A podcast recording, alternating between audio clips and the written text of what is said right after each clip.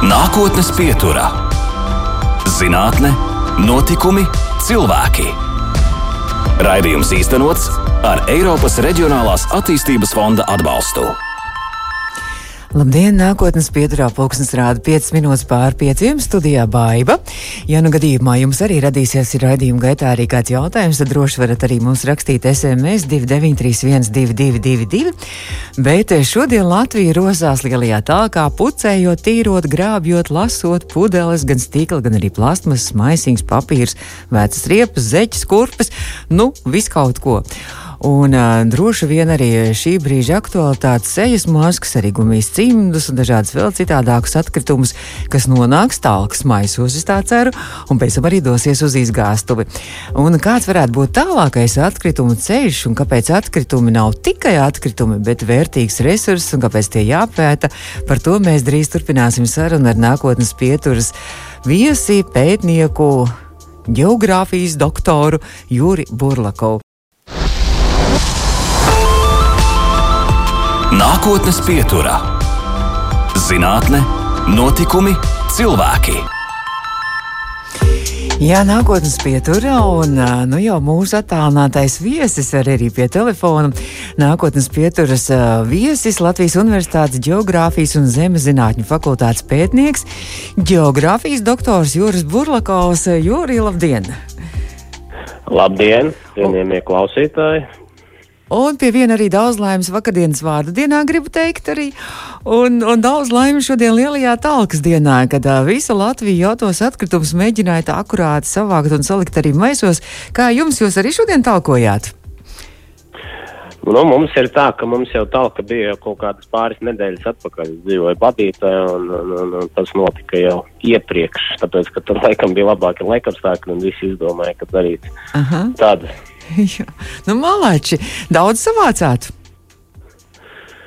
Nu, tur nebija arī daudz ko vākt. Cilvēki ir kļuvuši apzinīgāki, ne tā kā 90. gados. Un, un, un tas, tas, kas tiek vākts, nu, katrā vietā mazliet savādāk. To apvieno arī ar pikniku veidošanu un, un, un tam līdzīgi. Nu, tagad gan tikai uh, divas mājasaimniecības laikam drīkst piknikot. Mm -hmm. un, un, un tad tas viss tā mazliet šogad un pagājušajā gadā ierobežot ir salīdzinot ar citiem gadiem, kad varēja vairāk brāļoties un pulcēties cilvēki. Nu, jā, bet nu, es vēl nav jaunākā statistika pienākusi no tālu, kas parasti viņi arī saka, cik tur tie maisi ir savākti un cik daudz ir liela atsaucība. Bijis, bija tāda ziņa gan no rīta, ka 1300 talkas vietas šodien ir pieteiktas. Bet nu, tad, eh, mēs arī tā varētu teikt, ka šodien noskaidrosim nākotnes pieturā, kāds tad varētu būt tas tālākais atkritumu ceļš un tiem maisiem. Un, eh, un arī es eh, klausītājiem apsolīju, ka būs tāds jautājums, kāpēc atkritumi nav tikai atkritumi, bet vērtīgs resurs un kāpēc tie ir jāpēta. Jo tad jūs varbūt varētu arī atbildēt par to, par tiem atkritumiem, kas vispār ir atkritumi. Uh, atkritumi jau to ar, ar tiem jau es mazliet sākumā negribīgi sāku nodarboties, bet tā nu ir sanācis, ka man lielā talka jau ir se, piecas dienas nedēļā, astoņas stundas dienā. Es esmu pēcdoktorantūras pētnieks un mm. uh, mana tēma ir atkritumi. Tas gan vairāk saistīts ar izgāstuvēm tieši un konkrētām lietām. Bet uh, neraugoties uz to, protams, man ir jāpārzina arī daudz kas vairāk un plašāk kas ar to ir. Un runājot par to, kas ir atkritumi, atkritumiem ir definīcija, kuras precīzi vārds vārdā Eiropas Savienības likumdošanā nepateikšu, bet principā atkritumi ir jebkas, kas lietotājiem vai ražotājiem vairs nav nepieciešams. Tas uzreiz pārtopa par atkritumu un iegūst sešciparu kodu. Aha. Ja, skan mazliet birokrātiski, bet tādēļ ir arī problēmas dažreiz pārstrādāt, piemēram, to, kas jau skaitās atkritumi, tāpēc, kad ir birokrātiski šķēršļi, jo atkritumiem tur ir pavadzīmes, nu tagad jau mūsdienās elektroniski, un uh, citreiz ir pārāk liela ķēpa, un tas ir pārāk dārgi, lai to nodarbotos, kaut gan it kā varētu. Ja, nu, protams, arī tirgus nosaka to, ka šo resursu var izmantot, un, un, un tas atkarīgs no cenām. Bet, nu, kā tas ko, kods nozīmē? Tas, ka es piemetu plasmas pudeli, iemetu atkritumu spainī, tad jau viņi iegūst kodu automātiski. Uh, principā, jā, nu, tagad jau arī ar depozītu sistēmas ieviešanu, tad, kad viņi ieviesīs, tad uh, jau iestājas tā kā nu, daļai varētu teikt ražotāja atbildība. Jā, ja būs depozīta sistēma, tad šī pudele nokļūst atkal depozīta at, nu, automātā un tad tālāk jau veids savu ceļu caur pārstrādes organizācijām. Es, Bet, uh, da, daudz, daudziem produktiem, kas tiek uzražoti, jau ir īpaši specifiskas lietas, kas ir industriālās uh, produkcijas, kuras mēs neredzam ikdienā, jau ir ieviesta ražotāja atbildība, kas būtībā nozīmē to, ka tas, kas to jau ir saražojis, viņam ir pienākums par to arī rūpēties jau tagad. Mm -hmm. Pēc tam, kad tā dzīves cikls beigsies, jo visu jau nosaka jebkura produkta vai vielas dzīves cikls. Un jo vairāk būs ražotāja atbildības, protams, visam to nevar ieviest, jo arī vieglāk to visu būs kontrolēt. Un, un tas, tas pamat uzstādījums jau ir, lai atkrituma nebūtu vispār. Mm -hmm. Tas mazliet utopiski, bet, bet tā tam vajadzētu būt. Bet no atkrituma esot tā divas tās kategorijas - bīstamie atkritumi un sadzīves atkritumi, vai, vai tas arī tā, tā diezgan vienkāršot? O, nē, tā tur jau, tur jau tiek sajaukts, jau tur vairākas klasifikācijas tikko vienā teikumā tika ah. sajauktas, tas viss ir daudz sarežģītāk. Es Wikipēdijā to izlasīju. Atkritumi, un tas, tas ir vairāk pēc nu, pēc patērētājiem vairāk mm -hmm. tur varētu būt komerc, ja, komerc atkritumi, rūpniecības atkritumi un sadzīves atkritumi. Tad vēl ir kalnrūpniecības atkritumi, par kuriem ikdienā neviens nerunā, tie ir 99% no visiem atkritumiem.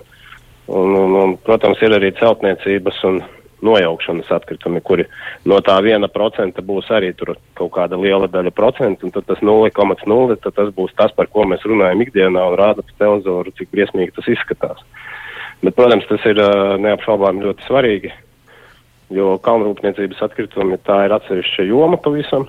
Uh -huh. Celtniecības un būvniecības tie visi atkritumi arī tur ir savi kodi, sava pārstrāde, savs bizness, un tur ikdienas cilvēkam par to galvu jālauza tikai tad, ja viņš neatļauti sadzīves atkritumu konteinerā sava remonta atkritumus, piemēram, ko nevajadzētu darīt vai dedzina talkas laikā, ko arī nevajadzētu darīt. Nu, es ceru, ka tā nedara neviens talkas laikā. Es ceru, ka viss saliek maisos kārtīgi un arī tos maisus. Nu, šur tur vēl pa Latviju var braukt, tur pa gadiem var redzēt, kad mm. uh, iztīra vecās garāžas vai šūņus un tad dedzina. Tas nav tas prātīgākais, jo, ja tīpaši stāvēt blakus pašam, tad nevajadzētu, mm. ja nu mhm. tomēr to neatļauti dara, jo tur var būt toksiskas vielas, un to ieelpojot var arī visādas problēmas veselībai tam pašam cilvēkam var rasties un nemaz nerunāt par to, ka tur piesārņojums izplatās.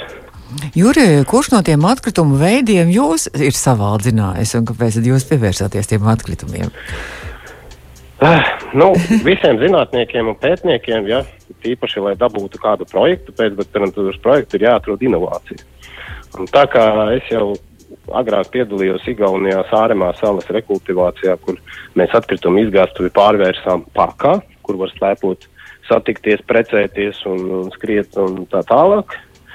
Tad arī mēs e, šo tēmu attīstam un no vecām izgāstuvēm, kā izveidot funkcionālu materiālu, ko pārklāt izgāstuves, lai nav jāved jauns materiāls, ko pārklāt. Tā arī nu, tas var būt sarežģīti. Mm -hmm. Izklausās vienmēr sakot, mums nevajag neko jaunu. Mēs paņemam vecās izgāstuves materiālu, pārstrādājam un uztaisam kaut ko, kas labi to pārsedz, un pie viena vēl siltumnīca efekta gāzes savāc metānu. Tas nozīmē, ka tas jau ir siltumnīca efekta gāze. Tas nozīmē, ka tas, ko es sākumā arī uzdevu to jautājumu, kāpēc atkritumi nav tikai atkritumi, tad jūs arī uh, daļu atkritumus pārvēršat arī kaut kādās vērtīgās lietās un vielās arī. Ja? Jā, nu, es arī veicu pētījumus, kas iekšā ir tajos atkritumos, arī vecajās izgāstuvēs, uh -huh. jo mhm. šeit jau mēs varam iegūt atkritumus nevis to nulles atkritumu, zero waste, bet mēs pat varam iet ar negatīvu zīmi. Ja mēs paņemam to, kas jau sen ir zudis, kā resursu, vecās izgāstuves, piemēram. Ja? Uh, ja mēs no turienes varam kaut ko dabūt ārā, tur metāls, plasmas, uh, varbūt kaut kas vēl tur no elektronikas atkritumiem, zelts, ja? platīns un tam līdzīgi. Un no tā, kas nekam nav derīgs, kas ir puse vismaz no tā, ja no tā var iztaisīt labu materiālu, ar ko šo izgāstuvi pareizi pārsekt, nevis kā pagadās, tā lai tur zari aug un koki kaut kādi. Un viss pārējais ir tek ārā vienkārši uz gruntsūdeņiem piesārņojums, tad es domāju, ka mēs esam panākuši savu, un šis resurs tika izmantots par nevis par 100, bet par 150% piemēram. Tā, jūs, tā ir tā ideja. Jūs vēl šķirojat tās vecās tieši izgāstos, kur nav agrāk varbūt nekas šķirots, jūs vēl to vispār šķirojat, tad sanāk. Nu, konkrētais piemērs Igaunijā, uh -huh. bija, tur bija 200 tūkstoši kubikmetri, Un uh, viena trešā daļa no tās izgāstuves tika pārstrādāta. Nu, principā pārsvarā tas materiāls jau bija nu, nekām nederīgs, jo viņš jau bija tāds jau senāks nedaudz. Bet tā kā tā izgāstuve jebkurā gadījumā bija jāslēdz pēc Eiropas standartiem, tad tika pieņemts lēmums izveidot šo jauno materiālu. Nu, un tad bija tāds tā kā pionieris tāds, pionieris tāds, uh, nu, ne pētījums, pat, bet, nu, tāds veikums, ko izdarījām, pārsedzuši šo izgāstuvi. Un tad, tad vienkārši skatīties, kas notiek. Tagad, tagad es to skatos padziļināti, kā tas notiek, un vai tā vajag darīt arī citur. Izskatās, mm -hmm. ka var tā darīt citur. Un tad tos uh, trešo daļu, to 80 tūkstošus apmēram pārklāja izgāstuvi. Un tas iemesls bija ļoti vienkāršs. Viņiem tur nav nekādu mālu, ar ko pārsekt, jo Eiropas normatīvi nosaka, ka izgāstuves ir jāpārsadz pareizi. Jā, tā kā slāni, kas nelaiž cauri ūdeni. Mm -hmm. nu, tas var būt arī ģeotekstils vai kas cits. Mm -hmm. Bet šajā gadījumā šeit tika izmantots smalkais materiāls no tās vecās izgāstuves. Nekas nebija jāliek klāt, jo sāremā ir sala un vest 80 tūkstoši kubikmetrus. Pat ja tā māla tur būtu Igaunija, gan nebūtu diezgan dārgi un, teiksim, tā muļķīgi. Tāpēc tika pieņemts lēmums, ka šāds materiāls tiks eksperimentāli izmantots arī. Oh, turpmāk arī. Arī turpmāk. Ja? Arī turpmāk. Ja. Tā galvenā ideja, protams, būtu arī lielās izgāstuves superpilsētās. Mm -hmm. Mēs jau te visi esam mazi. Uh, Bet, uh, piemēram, Stambulas centrā ir izgāstuve, kas ir vidzemes priekšpilsētas lielumā, varbūt tās uh mhm. -huh. mēram. Un Aha. tad mēs no turienes varētu dabūt arī materiālus, kas ir pats galvenais, pilsētu teritorijas ir dārgas. Un tur tas iegūms atver, atsver naudas ziņā visu. Nu, tā kā īstenībā, nu, pilsētai konkrētai. Jā, tā kā īstenībā darbu jums varētu būt pilnas rokas nākotnē, kad jūs arī turpināsiet visu šo projektu pētniecību un arī izstrādi un vispārējo. Es saprotu, ka jūs šobrīd arī ar, ar, ar, ar, ar lietuviešiem arī sadarbojaties jaunajā projektā. Lietuviešiem, jā, lietuvieši tur arī veido savu veidu kompostu. Ir ļoti liels progress un gandrīz vai nulles atkritumu tehnoloģijas alītos, alītu izgāstuvē. Uh, tāds progresīvs vadītājs. Un, un visu laiku ievieš kaut kādas inovācijas. Nu, tur arī tā, ka uh, attīrīšana, lai tie, tas, kas tek ārā no izgāstuves, jo no visām izgāstuvēm to, ko parasti nezinu, tek visu laiku kaut kas ārā. Nu, tāpat kā jūs mm -hmm. sametat čupā kaut ko, kur ir sadzīves atkritumi ar organiku, piemēram, jā, tad tur arī tecēs kaut kāds infiltrēts ārā mazā apjomā, bet nu, izgāstuvē jūs varat iedomāties, kas tur ir. Tāpat, ja mēs paskatāmies Rīgā, kas tur ir tās slēgtās izgāstuves, kā piemēram deglavu izgāstuve vai kleistu izgāstuve, tur joprojām, es domāju, iekšā ir kaut kādi 70 grādi. Tiek ražota enerģija, kas, mm -hmm. nu, principā netiek izmantota. Tas, tas viss ir daudzpusīgs jautājums, ko, ko var un cik izdevīgi tas ir, ko izmantot.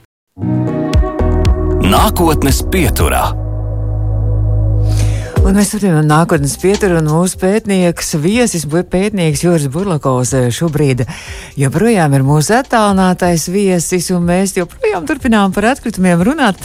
Juri, vai tā varētu teikt, ka planētai draud arī varbūt bojāēji un tāds draudi noslīgt savos atkritumos?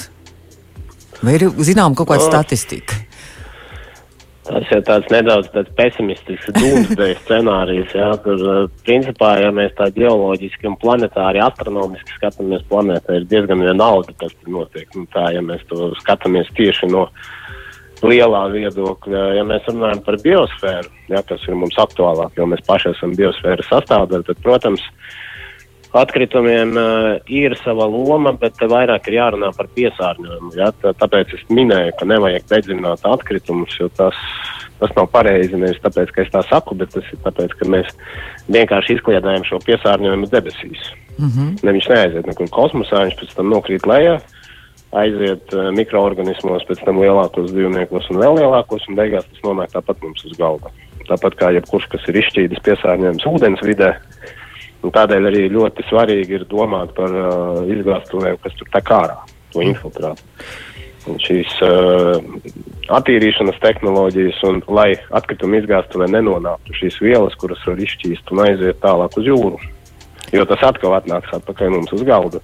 Mm -hmm. Tas nav tā, kā mēs redzam plasmasas pudeli kaut kādu vai vēl kaut kas. Tas, tas ir nesmuki, bet tas nav nekas tāds. Nav tik bīstami, jā. Bet tas, ko mēs neredzam, parasti ir tas ļaunākais. Jā, smago metālu piesārņojums, kas izraisa dažādas kancerogēnās slimības. Un, un, un, un, toksisku ietekmi uz vidi un dzīvējiem organismiem. Tas, tas ir tas, mm -hmm. kas ir sliktākais. Runājot par pasauli, tomēr gribu vēl pavaicāt jums to, vai ir kaut kāda tāda statistika, zinām arī tie rezultāti un arī informācija, kur ir lielākie nu, valstis, ja mēs runājam, kur ir lielākie tie piesārņotāji, kas mums draud, droši vien, ka kaut kur austrumu valstis tas varētu būt arī. Ja? Nu, šobrīd ir tā, ka mēs te gribam zaļi dzīvot, visi, un, un Amerika grib, un visi grib dzīvot zaļi, bet faktiski ir tā, ka fabrikas ir pārceltas uz Dienvidaustrumāziju un, un Indiju. Jā, mm -hmm. Tā kā tas cik garš, tik plats. Te vairāk ir jādomā par to, kā samazināt patēriņu, jo ražošanas atkritumi un resursu patēriņš mums resursu drīzāk var aptrūkties, nevis noslēgt atkritumos. Tas arī ir mm -hmm. svarīgs jautājums, bet svarīgāks varbūt. Un, un, un, un tāpēc visas tās pārceltās nezaļās tehnoloģijas, kas strādā citur. Un mēs te tagad skaitīsim zaļās kvotas. Man tā politika tāda sveša nedaudz ir. Negribu tur tā diskutēt ilgi, ja. bet, bet uh, patēriņš ir tas, ko mēs ikdienas cilvēks varam izdarīt. Nevajag dzīties pēc.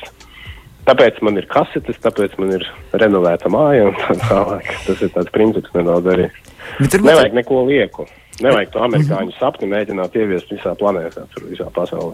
Ja mēs tā filozofiskā kā par to visu arī runājam un domājam, ka varbūt arī šī pandēmija mums arī kaut kādā zināmā mērā mācība arī, ka, ka mēs varbūt esam iemācījušies mazliet pieticīgāk dzīvot un neskriet katru dienu uz veikaliem un neiepirkt kaut kādas jaunas preces, mantas, apģērbu, vispār, jo ka vienkārši mūs ir piespiedus šī pandēmija mazliet tā piezīmētā. No, es baidos tomēr, kad ne? runājot par iepakojumu nu, tieši iepakojums Tas, ir četrkāršojies un pieckāršojies. Uh, paš, uh, pašu patēriņu jau mēs nesamazinām. Tāpat tās to visu pieved pie mājas un tādā, tādā plašākā izpratnē, kas ir samazinājis varbūt emisijas no automašīnām, kad brauc mazāk. Bet tagad tas viss nāk tāpat tās ar dubultu atsparu atpakaļ un cilvēki būs noilgujušies pēc mm dzīves un uh, tas būs kā bumerants atpakaļ un tas ir tāds īstermiņa ietekmes. Mums jāpiemina, ka vai tas kaut ko būs iemācījis cilvēkus.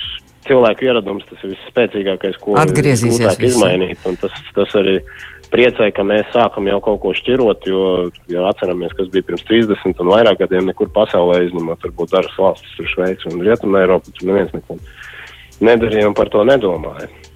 Jūs pats šķirojat? Vides, vides aizsardzība kā tāda aizsākās uh -huh. 70. gados, un attīrīšana un aizsākās prozaiski viņa Amerikas Savienotajās valstīs, ko tagad vaino pie daudz kā. Bet viņi principā bija pirmie, kas ieviesa likumdošanu par tīru gaisu, tīru ūdeni.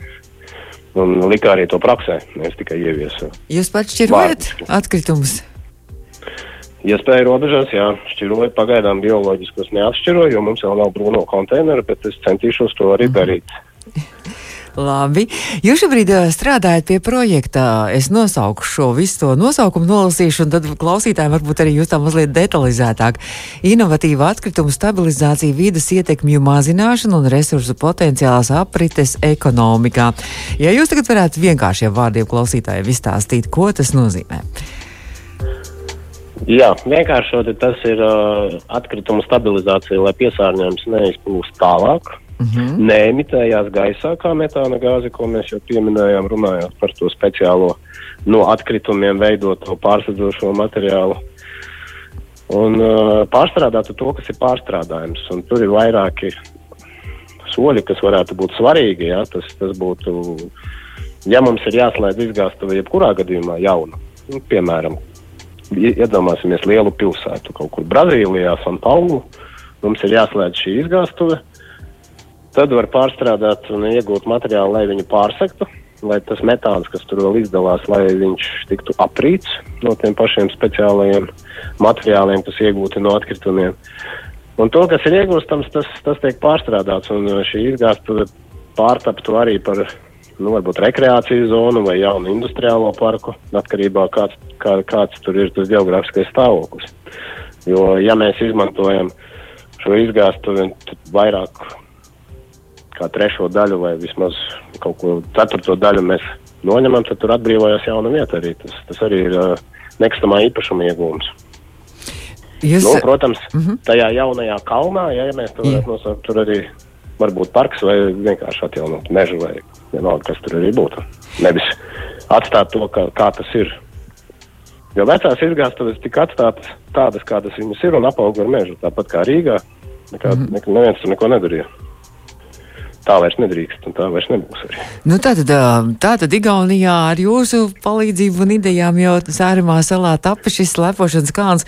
Vai Latvija ir ieinteresējusies arī par, par jūsu projektu? No varbūt jau ir kaut kas zināms tāds praksē, kas tiks arī pielietots. Nu, zināmā mērā jau šīs idejas jau tika daļēji. Es jau biju pie izpētes arī pie deglava un, un kleistu izgāstuves, kas ir, bet uh, tur bija nu, tādas atsevišķas lietas.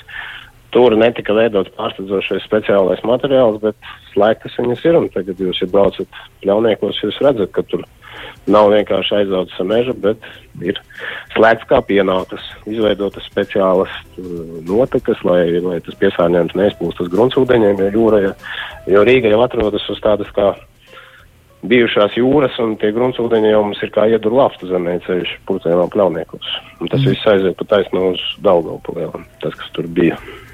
Nu, pirms laba laika jau, kad eh, tapa, tad eh, kā tāds pozitīvs piemērs Getliņa tika minēts. Ko jūs par to sakāt? Nu, Getliņa ir operējoša izgāstuve. Tā jau ir modernizēta un viņš šo laiku akceptē jaunas mm -hmm. idejas. Bet es vairāk strādāju jā, ar tā, tādām senākām izgāstuvēm. Mm -hmm. Šobrīd arī ar Igauniem sastrādājamies. Joprojām, jā. Ir Tallinas izgāstuve un Ziemeļaustrum Igaunijā izgāstuve, kas vēlas tieši to materiālu varbūt tās ieviest. Tur ir vairāki aspekti, kas saistīti arī ar likumdošanu, kas neļauj šos materiālus izmantot. Tas ir prozaiski, tas ir dabas resursu nodoklis. Un šis dabas resursu nodoklis, ko tad darīt? Tagad dot atpakaļ. Neviens to nav gatavs darīt. Un tad vēl ir problēma ar bīstamajiem atkritumiem. Bīstamie atkritumi ir tas, kas ir ar bīstamu atkritumu kodiem, un neviens ar to neriskē ķēpāties. Nu, tur, tur ir tāls ceļš ejams. Mm -hmm. Tas nav arī zinātnieku uzdevums. Tur, tur ir vairāk jau likumdošana. Ministrijas dažādās valstīs un Eiropas Savienības direktīvas, un kamēr tas būs slēgā izskoties mainstreams, kādreiz jau būs. Ja ne tā, tad savādāk. Nākotnes pietura turpinās. Ar citu nākotnes pieturu varat arī pēc tam dzirdēt arī mūsu mājaslapā, sameklēt audio saitē, arī Facebookā un arī podkāstos, Google, Apple un arī Spotify. Bet mēs turpinām nākotnes pieturu un turpinām sarunu ar mūsu viesu. Nākotnes pieturā - zinātne, notikumi, cilvēki. Nākotnes pieturas viesis šodien mums ir Latvijas Universitātes Geogrāfijas un Zemes zinātņu fakultātes pētnieks, geogrāfijas eh, doktors Juris Burlakovs. Un Juris, nekļūdos, ka jūs esat geogrāfijas doktors?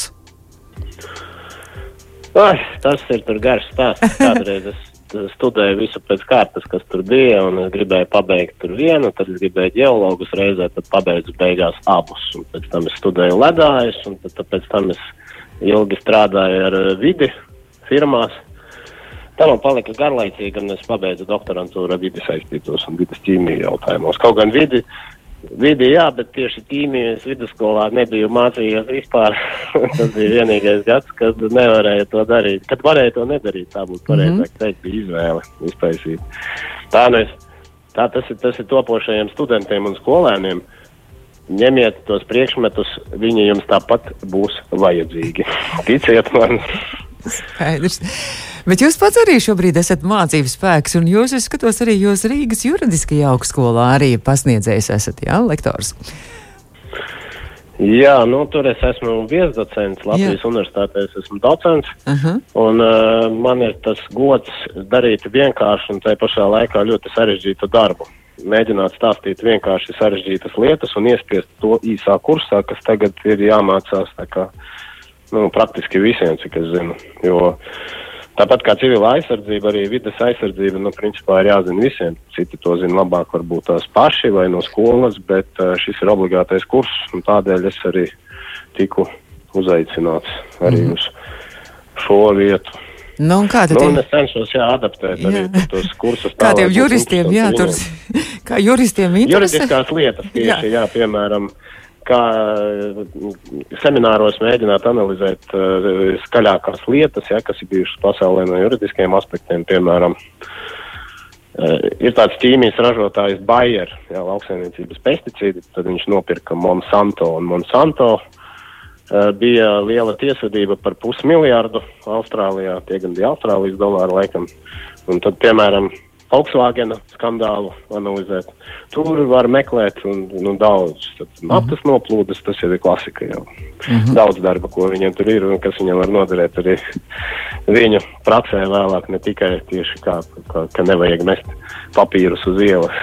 Tā kā vides aizsardzība noder pilnīgi visur īstenībā, dažne dažādās profesijās arī šī zināšana. Nu, principā jā, nu, jo mēs dzīvojam saskaņā ar uh, vidi, vai mēs uzskatām, ka tas ir vienalga, kurā reliģijā, ka tas ir kaut kas tur augstāks, mēs jau dzīvojam tā kā pasaulē, un tas ir tā kā kopā ar mums. Mums ir jādomā tā, lai mēs varētu ar saskaņā ar viņu arī dzīvot arī vēl simtiem paudžu. Tas nav nemaz viegli. Nu, jūs tagad varētu mazliet paudzināt mūsu klausītājus, nevis tikai vākt tos atkritumus. Mums arī reizēm klausītāji saka, jūs tikai tur mācat vākt un tā, un tagad organizēt lielo talku un tā. Bet īstenībā jau jāsaka cilvēkiem, lai viņi necūko un arī nemēslo. Kas tas varētu būt tas skaitīgākais, kādā veidā mēs piesārņojam to savu zemīti, kaut vai Latviju? Nu, tas atkarīgs no kādā līmenī mēs to darām. Tas lielā mērā, teiksim, ir piesārņojumi, kur agrāk nemaz nezināja, ka tie ir piesārņojumi. Nu, pieņemsim, asbesta jumti, jā, tie šīferis, visparastākais. Jā. Tas, kas kādreiz bija tāds plaša patēriņa produkts, viņš mums kaitē. Ja, ja viņš tiek sadauzīts un nu, pārvēršas par putekļiem, viņš izraisa dažādas slimības. Un, piemēram, Eiropā asbesta atkritumi ir bīstamo atkritumu kategorija un aizliegts viņus lietot. Mēs nezinām, vai šodienas materiāli pēc 10 vai 15 gadiem arī nebūs kaitīgi un atzīti par bīstamiem atkritumiem, tad paši var teikt par saules paneļiem un par visu kaut ko citu. Tāpēc ir tik līdz kā rada jaunu produktu, ir jāzina, kas ar viņu notiks pēc tam. Tas ir tā kā pilnā dzīves cikla analīze. Un uh, ir jāsaprot to, ka šim produktam ir jākļūst par kaut ko citu nu, sliktākajā gadījumā par enerģiju. Mm -hmm. Jā, tā kā sadedzināt, ja to ir iespējams, piemēram, tos plasmasas un tā sliktas kvalitātes, to, to, to izmanto enerģijas ražošanai. Bet arī par to, ka tas jau ir jau pie mm -hmm. ražošanas un pie patēriņa. Pirmais, ko mēs darām, mēs samazinām, lai mēs nepirktu sev 20 mašīnas, ja kā rogzvaigznes katrs un nevajadzīgas lietas. Un, un tad otrs ir, jā, tad ir atkārtot izmantot, klausīties kasetes un renovēt mājas. Ja. Trešais ir pārstrādāt, ja, vai tas būtu depozīta sistēma, pudeles vai kaut kas sarežģītāks. Un, un, un, un tālāk jau, jau viss sliktākais jau ir tur dedzināt, iegūt enerģiju, un pats pats sliktākais ir tie atkritumi, par ko mēs runājam, kuriem vispār nevajadzētu būt. Ja mēs plānotu produktus, kas pēc tam pārto par kaut ko citu, sliktākajā gadījumā enerģiju, tad atkritumi nebūtu vispār. Nu, tā ir mazliet utopiska ideja, mm -hmm. bet uz to ir jātiecās tādā lielā apjomā.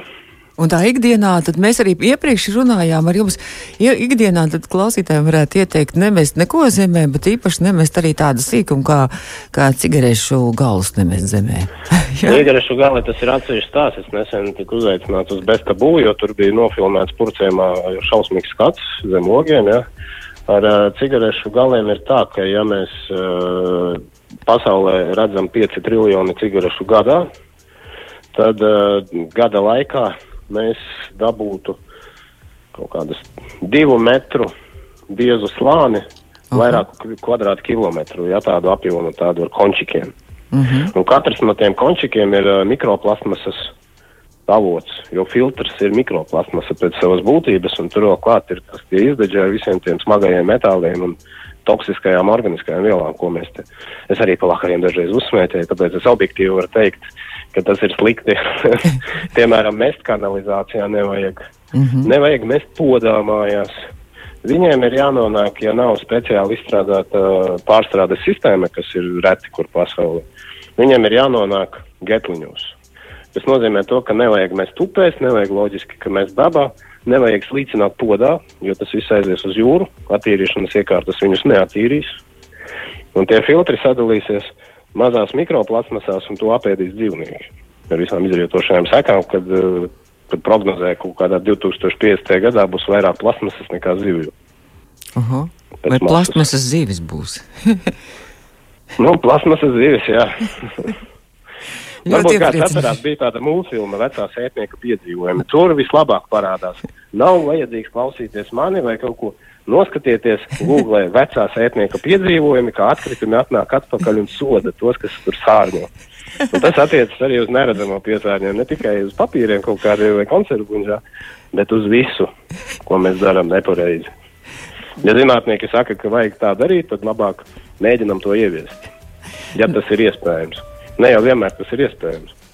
Tad mēs varētu klausītājiem arī es gribēju vaicāt jums, eh, kāds vēl ieteikums brīvdienām ir varbūt apciemot atkritumu izgāstos, bet tad labāk apsēsties un apskatīties šito veco multiplikācijas filmu, atrast kaut kur internetā un arī tā liederīgi pie viena un arī jautri pavadīt arī atlikušās brīvdienas.